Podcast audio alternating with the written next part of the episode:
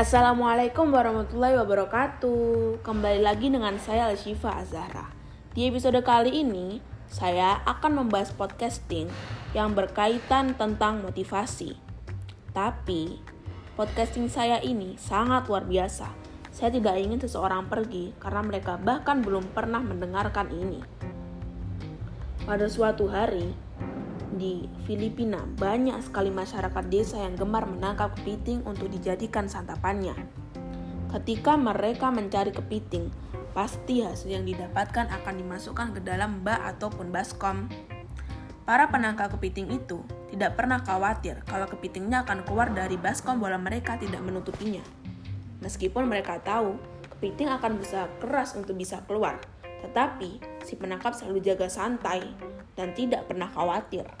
Mengapa bisa begitu? Semua itu karena mereka tahu akan sifat dari kepiting.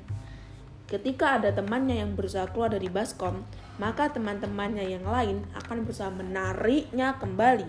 Begitulah seterusnya. Hingga dari sekumpulan kepiting yang ditangkap itu tidak ada yang berhasil keluar.